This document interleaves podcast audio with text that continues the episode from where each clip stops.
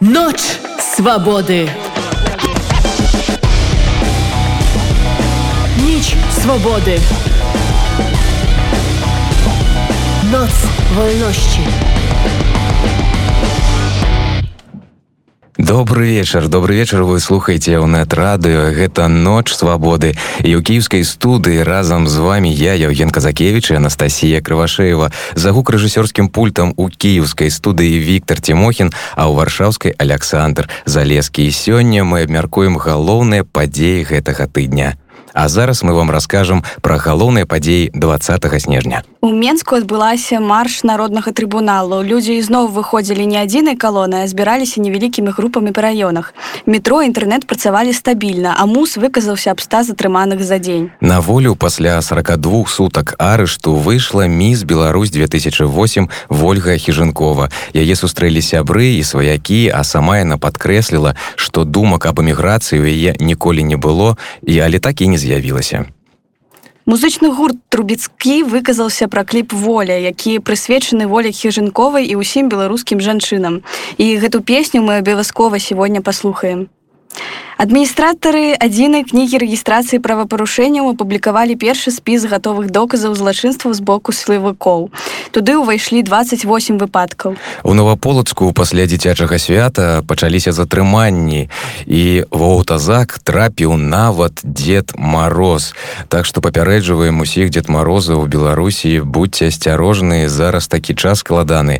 Ну і вось у нас першы тэлефонны званок на прамой сувязі зараз з намі ў пачатку пачатку нашага выпуску будзе украінскі палітык дэпутат Верховнай рады Украіны член фракцыі еўрапейская салідарнасць Алексей Ганчаренко Алексей добрый вечар Алло а, добрый вечар рады вас чуць Алексей добрый вечер вітаю вас Алексей вось першае пытанне ўжо пяты месяц беларусы змагаюцца з рэжымам лукашенко з якім пачуццём вы назіраеце за такім нацыянальным абуджэннем беларусаў Я имею честь возглавлять межфракционное объединение за демократическую Беларусь в парламенте Украины.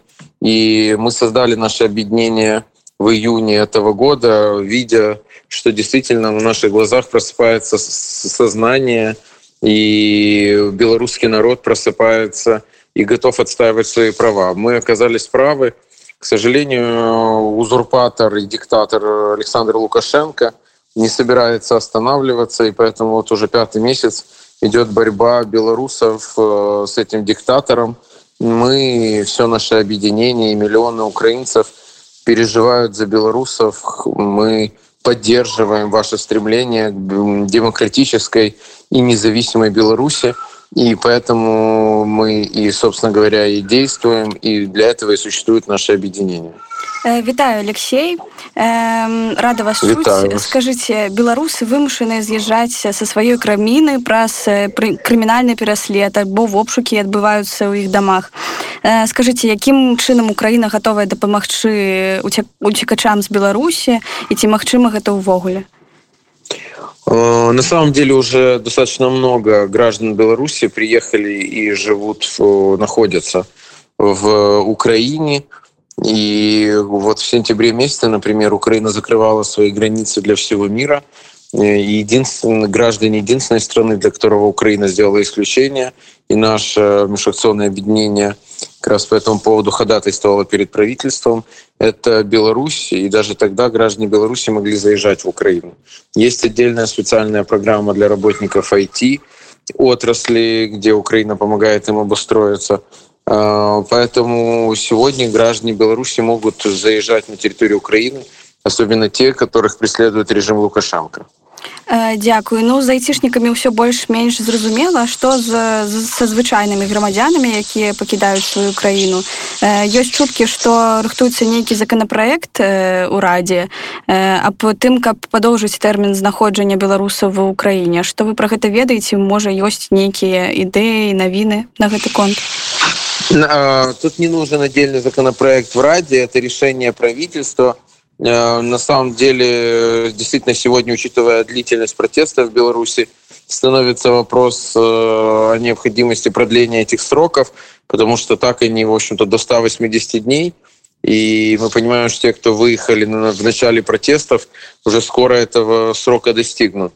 Поэтому мы сделали соответствующее обращение на Кабинет министров Украины и просим Кабинет министров э, внести изменения в постановление и гражданам Беларуси дать возможность находиться в Украине более длительный срок. Скажите, а як э, хутка гэта можа адбыцца? Гэта будзе напэўна ўжо пасля нового года так? Ну конечно это уже точно до нового года не будет. Мы надеемся что несложно утверждать, потому что я не являюсь членом правительства, я народный депутат. Я надеюсь, что правительство отреагирует на наше обращение и соответствующие изменения внесет. Спадар Алексей вось Кіев поставіў умову ціхановскай перад паездкай ва ўкраіну вызначыцца чый Крым. Як сказаў Дмітрый Кулеба, гэта ў яе ж інтарэсах, таму што умоўна кажучы, калі яна прыедзе ва ўкраіну і пачне мець зносіны са СМі, першым пытаннем будзе чый Крым. І любы невыразны адказ згуляе супраць самой спадарні ціхановскай. Скажыце, як вы мяркуеце, ці прыедзе ў бліжэйшы час ціхановская з візітам у Кіев? Я думаю, что Тихановская должна приехать в Киев. Э, мы общаемся с ее штабом, мы приглашаем э, Светлану Тихановскую, Украина. Я думаю, реально очень важна для демократической независимой Беларуси. И думаю, что Тихановская, конечно же, должна в Украину приехать. Я согласен с нашим министром иностранных дел. Безусловно, вопрос, э, чей Крым, э, этот вопрос, который для украинцев является принципиальным и является таким своеобразным маркером, и он будет задан э, Светлане Тихановской. До этого она давала ответы такие немножко двусмысленные Для Украины это, конечно, неприемлемо. скажите а ці з'яўляецца перашкодай прымання вось рашэння па падаўжэнні тэрміна знаходжання беларусаў тое што спадарня ціхановская не мае чаткой пазіцыі по крыму Я не думаю, что здесь есть связь, э, и мы все понимаем, что, в общем-то, э, Светлана Тихановская э, является, сказать, как сказать, волей судьбы. Она оказалась на острие этой ситуации – а причины протеста намного глубже, и, собственно, протест происходит не за Светлану Тихановскую, а против Александра Лукашенко. Поэтому это, это всем очевидно. спадар Алексей вось давайте зараз крыху паразмаўляем пра адносіны паміж беларусю і рассіяй Пуін на прэс-канферэнцыі выказаўся пра сітуацыю ў беларусі ён сказаў што трэба даць магчымасць беларускаму народу унутры краіны разабрацца са сваімі праблемамі Як вы лічыце які пасыл гэтымі словамі ён адправіў дзеючай уладзе і грамадзянам беларусі Ну, он, как обычно, просто врет. А очевидно, что Путин поддерживает Лукашенко и помогает ему удержаться. Вообще происходит в определенной мере такой гибридный аншлюз Беларуси. Российские пропагандисты работают в Беларуси, российские силовики действуют в Беларуси. Э, Путин в том числе пугает э, граждан Беларуси и войсками. Мы помним, когда он говорил о том, что ДКБ Организация договора коллективной безопасности, в которую входит, э, кроме Российской Федерации, в том числе и Беларусь, что готова реагировать на ситуацию, хотя по договору ДКБ может реагировать только при внешней агрессии. Никакой внешней агрессии против Беларуси нет, поэтому зачем здесь, какое может быть вмешательство стран Организации договора коллективной безопасности, непонятно. Путин очень боится, что те протесты, которые сейчас происходят в Беларуси, могут э, в том числе произойти и в Российской Федерации. И с этим связано, с моей точки зрения, и отравление Алексея Навального, и э, многие другие заявления Путина. И поэтому он реально помогает Лукашенко, как диктатору, воевать против собственного народа. Ну, вось разгвардыя заключила пагадненне з беларускім міністэрствам унутраных справаў як вы лічыце як гэта можна ацаніць і для чаго гэта зроблена вы не могли бы повторить начало вопроса, меня связь Так, Разгвардия заключила погоднение угу. с Белорусским министерством внутренних справ. Нацгвардия... Разгвардия, российская гвардия. А, понятно. Ну, очевидно абсолютно, что это все в контексте того, чтобы дать возможность Путину в случае определенного развития событий напрямую вторгнуться в Беларусь войсками. Мы все это видели в Украине в 2014 году когда Путин э, начал агрессию против Украины, абсолютно не имея на то ну, никаких неправ, то есть это абсолютно просто внешняя агрессия против суверенного независимого государства. Э, я думаю, что Путин готовит и такой сценарий, возможно, и по Беларуси, это тоже надо понимать. И, и вообще, я думаю, что так или иначе, время Лукашенко уже истекает, и ему осталось недолго. Я не знаю, сколько он еще протянет, месяцев, э, но не сможет он быть руководителем Беларуси. Поэтому на самом деле сегодня главным врагом белорусского народа является Владимир Путин. спадар Алексею дзякуй вам вялікі за гэтую падтрымку а я а я дзякую вам і могу только еще раз сказать жыве Беларусь жыве вечна. Да, мы поддерживаем белорусов, мы переживаем за белорусов, и мы верим, что Белоруссия будет свободной демократической страной. Дякую вам и дякую еще раз за эту падтрымку, якую вы оказываете ўсім беларусам, якія з'ехалі э, з роднай краіны. Я нагадаю, что мы размаўлялі з украінскім палітыкам, э, депутатам Верховной Рады Украины, членом фракции Европейская солидарность Алексеем Гончаренко. Ночь свободы. Swobody. Noc wolności. Вітаем усіх. Вы слухаеце ў нетраду і гэта ноч свабоды ў кіевскай студыі разам з вами я Евген казакевич і Анастасія крывашеева А зараз з намі на прамой сувязі з мінску актывістка Валерыя Валерыя добрый вечар у вас ужо ноч Да, добрый, доброй ночи. Ра рады вас чуць. Валера, я ведаю, што вы сёння былі таксама на маршы. Расскажите, як ён прайшоў? Э, ну, сегодня было не так многолюдно, как обычно, в тот момент, когда присутствовала я, э, потому что многие люди и районы выбрали еще новую тактику. Это выходить в время, когда они ожидают, что кто-то выйдет. То есть сегодня часть районов выходила до 9 утра вообще, и там было достаточно многолюдно, по несколько тысяч собиралось людей. Кто-то выходил, наоборот, поздно вечером. То есть э, люди э, пытаются себя безопасить и немножко э, сбить с толку э, карателей, как их тут называют.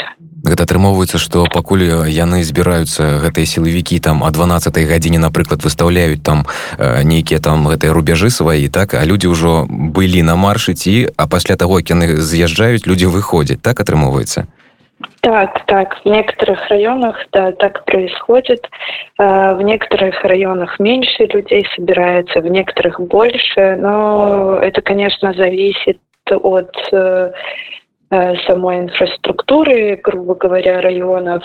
И, эм, конечно, в районах, где не многоэтажки, к примеру, и старые районы, где много пожилых людей больше, чем молодежи, там людей значительно меньше.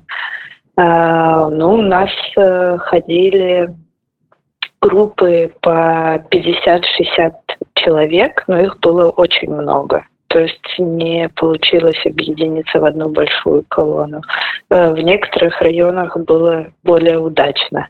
Валерия, добрый вечер. Скажите, а як вось у вашем районе прайшоў? Вы сказали, что 50-60 человек. Что яны рабілі, чым займаліся ўвогуле? Э, ну, давали знать, что мы еще все еще существуем и не боимся. Э, ну, конечно, все боятся, но не сдаются. Э, люди выходят, кто-то со стягами, кто-то без, э, передвигаются по районам внутри дворов, дворов да?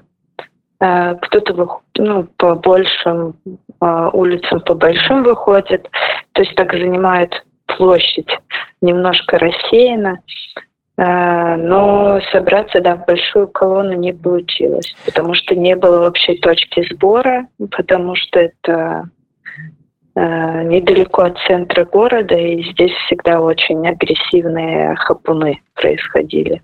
Скажите, ну вось вы кажаце, што ўжо менш людзей стала выходзіць, А як вы мяркуеце, чаму так адбываецца гэта пагода, каранавірус, ці можа увогуле людзі ўжо змарыліся ўжо амаль 5, 5 месяцаў усё гэта адбываецца. Ну, никто не устал. Я думаю, что 134 дня протеста беспрерывного об этом э, явно э, указывает на то, что никто не сдается. Э, большая я думаю, что большое влияние это предстоящие праздники, Новый год, потому что многие люди не хотят оказаться а, за решеткой на Новый год, и они себя таким образом защищают. Плюс это предновогодняя какая-то суета, холода, ну и основная причина, я думаю, это коронавирус, потому что людей, заболевших в стране, очень много. Мои знакомые, это, конечно, не статистика, но э, среди моего окружения, наверное, четверо из десяти э, либо болеют, либо находятся в э, ну, в изоляции как контакты первого уровня. То есть это где-то 40% тех, Ничего кого себе. знаю я. Официальная статистика кажа, что там меньше, крыху меньше за 2000 кожные сутки. Это отрымовывается, ну, что... Людям не делают тесты, к многим даже не приезжают э, на дом скорая, если вызывает, вызывают, э, просят обращаться к ним только в экстренных случаях. Ну и многие люди действительно э, понимают, что ресурсов и сил у медиков очень много, плюс на них оказывают очень большое давление сверху те, кому важна статистика, а не жизни людей. Э, поэтому ну, мне кажется, что некоторые люди сами не вызывают скорую, хотя у них нету ни запахов, ни вкусов, и сами изолируют себя там на две недели, чтобы не подвергать других людей риску, ну и не э, занимать врача когда он может помочь более нуждающимся. Ну вось э, на пытанне ці будзе Светлана тихохановская анансаваць больш маштабныя акцыі пратэсту до конца года. Едарацца франак вячорка адказаў акцыі будуць працягвацца ў любым разе. Але гэта будуць флешмобы маленькія выхады на вуліцу вывешванне сцягоў але масавыя маршы павінны трошки прыпыніцца ёсць некалькі прычын. Это холодна ўзровень рэпрэсій зашкальвае і коронавірус. Ці згодны вы з такім меркаваннем? Да рацыі штаба Светланы тихохановской Да, я сгодна, потому что я считаю, что массовость вообще, сколько людей против, э, показали август и сентябрь. То есть, что это толпы, это большой процент людей, э, большая часть страны. Э, и, может быть, да, сейчас нету нужды таких массовых показательных выступлений, а местечковые маленькие флешмобы, они в любом случае будут поддерживать дух, плюс дадут людям немножко выдохнуть, э, подсобрать э, сил и ну, пережить вот эту вот пиковую волну сейчас коронавируса. Ну и с учетом, да, что ж в тюрьмах устраивают геноцид, там же подселяют людей с коронавирусом к людям, и многие тоже боятся попасть сейчас, потому что если ты заболеешь в начале там 15 суток, то 15 суток, проведенных в тюрьме, где тебе не оказывают медицинской помощи, люди выходят, там 20-30% уже поражения легких. Валерыя А вось у шматлікіх дварах праводзяцца такія сустрэчы суседзяў яны п'юць чай гарбату нейкую скажитеце ці праходзіць такое ў вашым двары ці былі вы на такіх мерапрыемствах да, у нас проходят. Да, я была на таких мероприятиях, но... Э, Як это отбывается? Э, ну, все собираются в определенных э, местах, пьют чай, общаются, приносят с собой какую-то выпечку, устраивают фри-маркеты. Это, может, вы знаете, когда люди просто так обмениваются там вещами, которые э, им не нужны дома. Лежат хорошие вещи, и они между собой ими обмениваются. Э, устраивают какие-то хороводы с детьми но из-за погоды это иногда отменяется или переносится. Ну и вы знаете, э, наверное, из новостей, что каратели в некоторые районы наведаются даже и на такие мероприятия, несмотря на наличие там детей. Так ну учора там забралі бацьку з двумя дзіцямі сёння у наваполацку калі не памыляюся так забралі деда мороза таму да. складана і страшна жыць на жаль у роднай беларусі валеры вось апошняе пытанне давай давайте уявім что вось перамога яна ўжо прыйшла что вы будете рабіць адразу пасля гэтай навіны о, сейчас э, есть такой даже флешмоб в стране. Кто-то говорит о том, что он там сбреет бороду, кто-то, что он подстрижется, кто-то, что бросит курить, а кто-то, наоборот, что начнет пить. А, я, если честно, ну, вот я уже прям представляю, ликую внутри, поэтому мне сложно подобрать слова.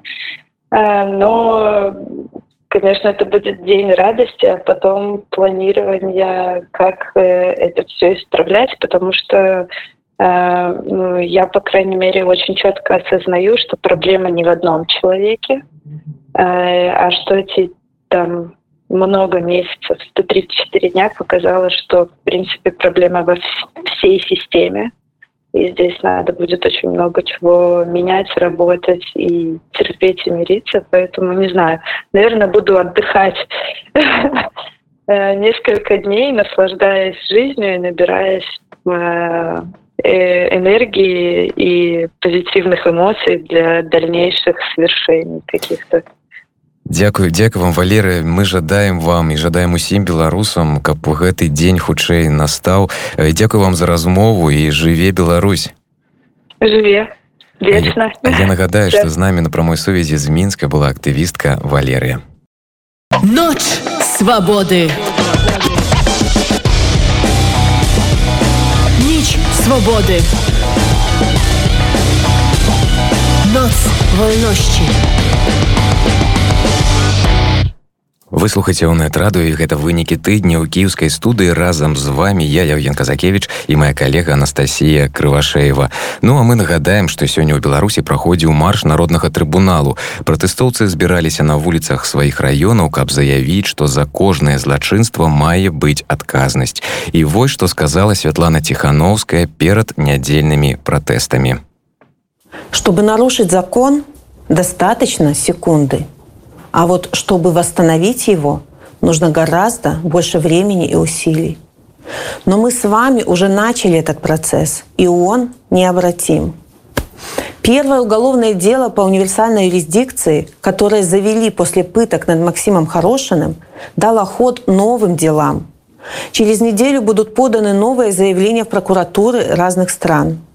Это значит, что виновные в насилии над белорусами могут попасть в международный розыск. На днях в силу вступил третий пакет санкций, в котором 29 человек и 7 компаний, включая кошельки режима. Их собственность и счета в Европе арестованы, а карману Лукашенко нанесен серьезный урон. И этими санкциями дело не ограничится. Уже обсуждается следующий пакет санкций – и в этом нам помогает единая книга регистрации преступлений. 20 декабря в ней будут опубликованы материалы проверки по фальсификациям на выборах, уже обработанные юристами. Все ее фигуранты – кандидаты для новых санкционных списков. И все это – личная заслуга каждого из вас. И это не преувеличение. Каждый, кто выходит на улицу, напрямую причастен к этим победам – Пропагандисты изо всех сил стараются принизить ваше достижение, заявляя, что шатанием по улице ничего не добиться. Если бы это было правдой, не было бы никаких санкций и расследований. Но протест в Беларуси видит весь мир. И именно благодаря протесту все поддерживают нас. Поэтому уголовное дело по универсальной юрисдикции – это ваша заслуга – Санкции ЕС, которые замораживают финансовые потоки режима, это ваша заслуга.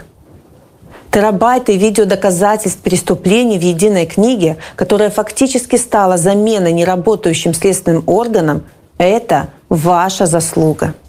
Премия Сахарова за борьбу за права человека – это ваша заслуга. Каждый марш не дает режиму соврать, что протест окончен – Каждая акция лишает государства возможности торговать судьбами белорусов. Каждый флаг на балконе напоминает о том, что люди не сдаются. Каждый, кто сейчас смотрит это видео, уже внес свой вклад в свободную Беларусь будущего. И я уверена, не остановится на этом. Эти шаги медленно, но верно приближают время, когда в Беларуси снова будут цениться права человека.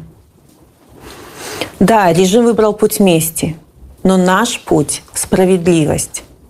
Поэтому мы не призываем к круговой поруке.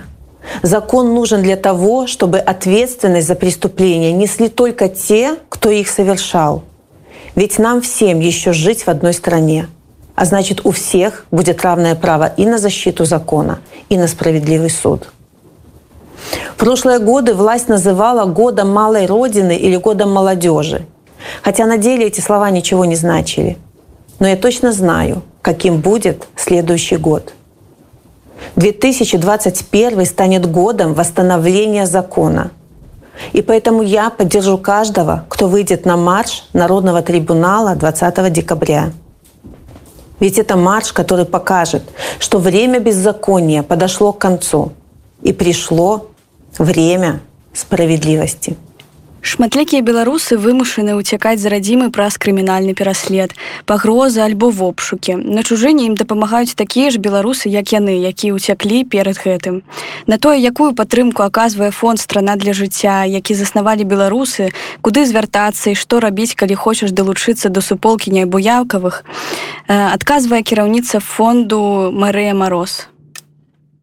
Вы знаете, я была во время предвыборной кампании волонтером Э, и занималась сбором подписей. И знаю прекрасно, какой это тяжелый труд и сколько ресурсов уходит, да, и материальных, и психологического ресурса человеческого уходит на эту работу.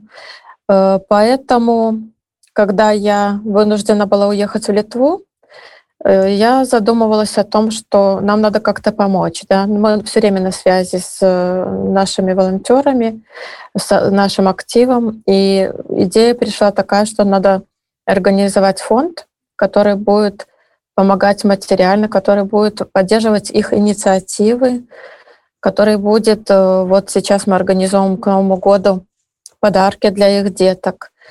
Ну, чтобы вот это вот тепло и забота ощущалось. Поэтому пришла такая идея, и не только у меня одно. Скажите, а кому вы зараз дапамагаеце ці шмат гэта людзей, якія гэта людзі? Мы сейчас помогаем в основном волонтерам активистам. В конце прошлой недели я считала, что мы за месяц, полтора даже месяца уже оплатили, ну, то есть помогли 67 человекам. Это такая материальная помощь. Если считать визовую поддержку, которую мы оказывали, там уже идут на сотни. И мы вынуждены были еще помогать студентам, когда у нас массовое отчисление студентов пошло, тоже помогали им выезжать, э, если были острые там причины. Ребята бежали э, под уголовными преступлениями, да, уголовные дела на них завели. Мы вот открыли своими силами, силами фонда два шелтера. Э, один в Белостоке, один в Вильнюсе. Это такие дома, где можно первое время в течение месяца пожить, немножко устроиться, найти себе работу какое-то время. Э, и планируется сейчас на Украине тоже открыть такой шелтер, потому что на Украине очень острая ситуация, потому что это безвизовый режим. Это единственная возможность э, репрессированным под уголовными статьями людям, когда стоит выбор между э, тюрьмой или уехать, то многие, конечно, вынуждены уезжать когда стоит такой выбор, то выбор очевиден. И если нет визы, то Украина — это единственный шанс быстро выехать і поток людзей наших беларусаў я таксама бачыла что вы собираете лісты якія дасылаюць палітвязні у нас есть соцсети есть youtube канал ну это как бы немножко другое это не фонд но это движение которое основал Сергей Тихановский это youtube канал страна для жизни это соцсети страна для жизни есть инстаграм есть facebook телеграм-канал и э, мы постоянно общаемся там с людьми выкладываем актуальную информацию, и есть обратная связь. То есть нам в письмах присылают, ну, в, в соцсетях письма политзаключенных. И какое-то время мы решили сделать такую рубрику, где собираем письма политзаключенных, чтобы люди могли почитать, э, много ли им пишут, как у них дела, как у них настроение. Э, какую информацию они знают, э, и тем самым это их немножко подтолкнет к тому, чтобы написать э, им тоже письма, потому что в тех условиях я сама находилась хоть не, немного, но находилась в заключении, прекрасно знаю, какой там информационный вакуум, как очень тяжело, что ты не знаешь, что происходит, когда это все закончится. И если вот какие-то весточки, какие-то письма приходят, ты этим просто живешь там. Поэтому надо чем можно больше, там какое-то есть 5-10 минут написать письмо. Сейчас можно из Украины, из Литвы, из Вильнюса, ой, из Польши, с любой страны на почта bel.by есть такой почтовый сервис, зайти онлайн, написать письмо, там немного стоит денег, и тогда почта распечатывает сама этот лист и относит э, в камеру человеку, человек получает. То есть вы не пишете так механически, на компьютере набираете, и это отправляется этому человеку, которому вы пишете. Очень удобно и быстро. Э, но больше, конечно, занимаюсь сейчас фондом. Фонд наш направлен на поддержку активного гражданского движения в Беларуси, который борется с этим режимом, который не, не складывает рук. Наша вот задача поддержать, и это одна, основная моя задача на сегодняшний день. В Беларуси мы помогаем, люди благодарны, да, когда мы отправляем там материальную помощь, или сейчас оказывается материальная помощь от фонда «Страна для жизни» для семей политзаключенных. Вот мы взяли 47 семей под опеку, 23 семьям мы уже выплатили материальную помощь, и это очень большой, хороший отклик э, мы получаем и благодарность, потому что вы сами понимаете, когда, например, семья, там двое-трое деток, и папа сидит, а одна мама вынуждена воспитывать, дохода от папы нету, да, и нужно и папе и передачи, и посылки передавать э, в места заключения, и деткам, э, деток растить самой, то любая помощь — это очень важно. Недавно встречались с семьей, которые мужа избили вытащили с машины, посадили в заключение, жена выехала одна с детками, потом мужа выпустили там под уголовное, он подписал, что будет уголовное дело на него заведено, он тоже выехал, и тут э, мы уже им помогли с визами, они выехали, все вместе здесь на территории Литвы встретились, и большое счастье, естественно, я знаю по себе, какое это счастье, когда ты встречаешься со своими детьми после долгой разлуки, со своим мужем после долгой разлуки. Люди сюда приезжают из Беларуси, они с мая месяца уже находятся в страхе, они знают, что каждый день, любой день могут там вплоть до того, что домой к тебе прийти, тебя забрать, или обыск у тебя, ты там можешь в любой момент открыть двери, банда этих людей залетит в твою квартиру собственную, перероет все твои вещи.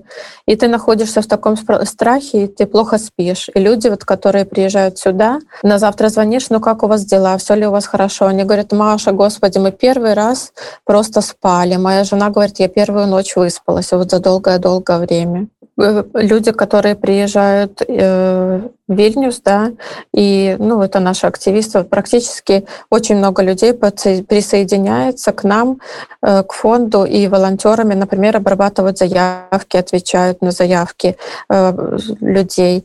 Или там, ну, есть различные механизмы направления, которые нам нужно тоже руками делать, люди присоединяются к нам.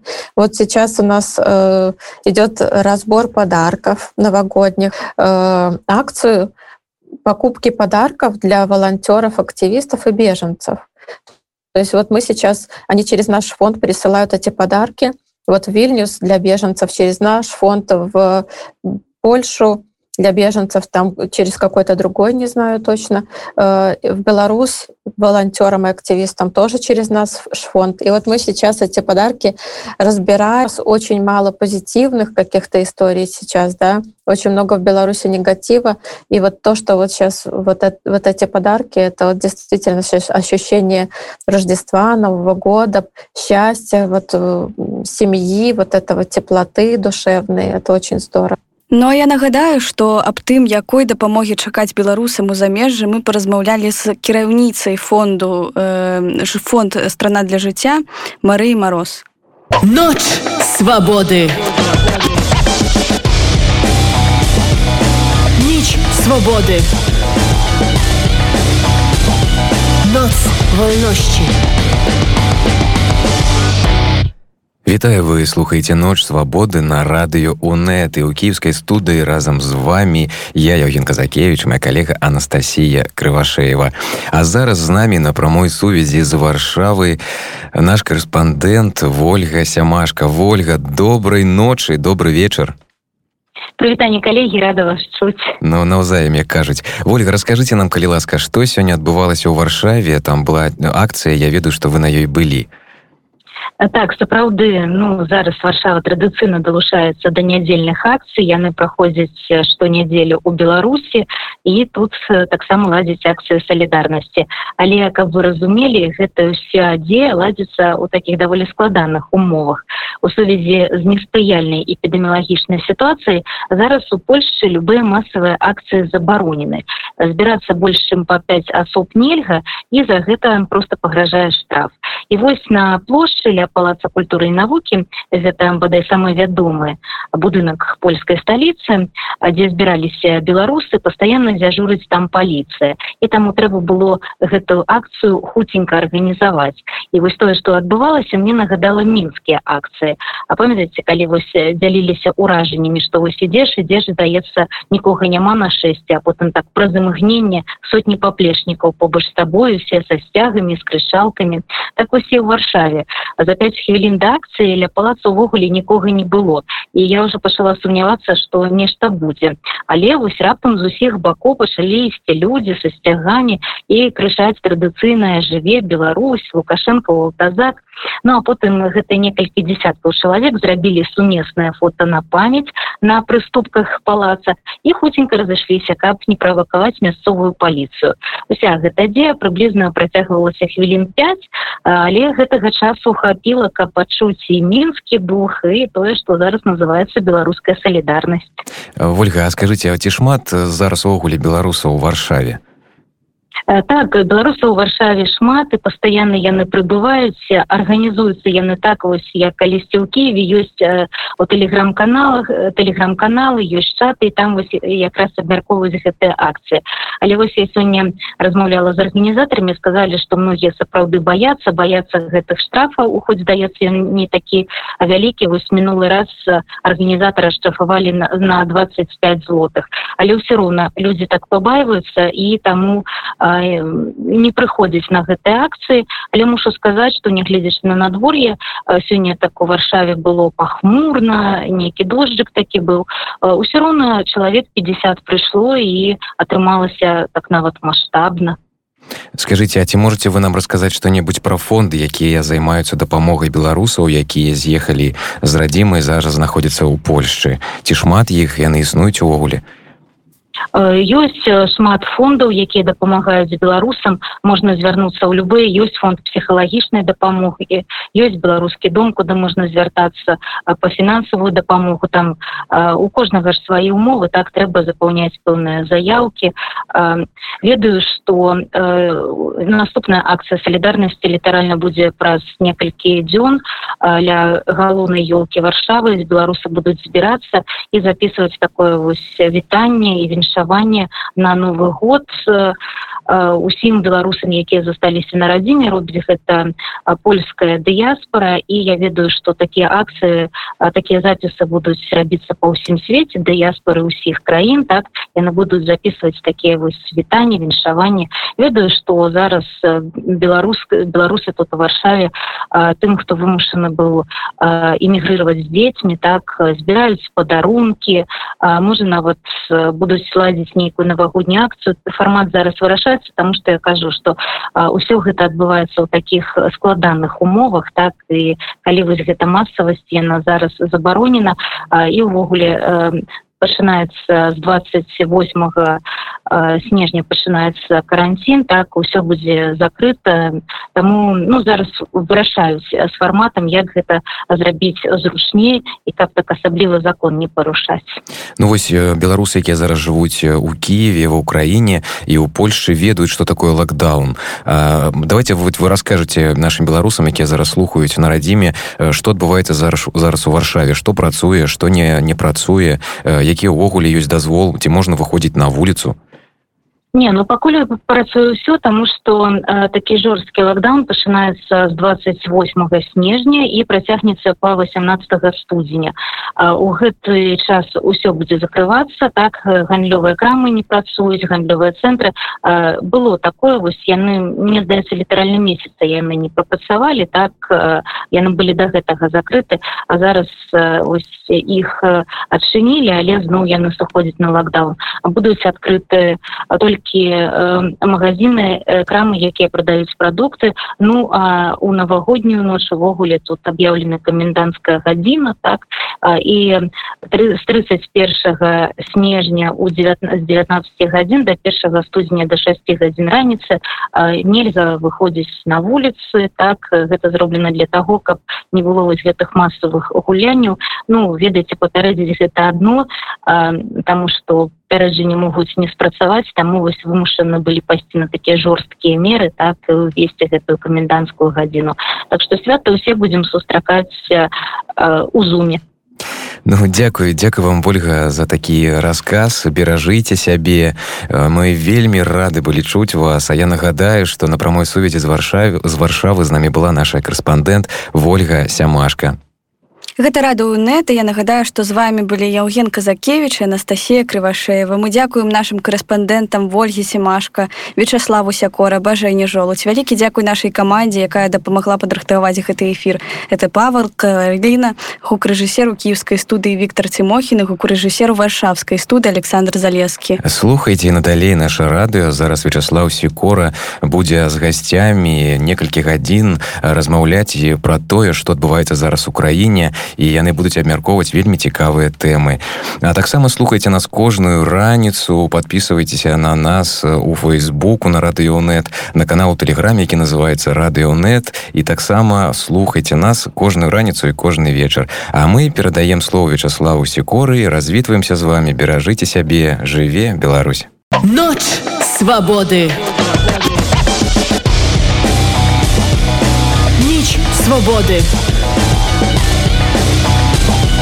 Noc wolności.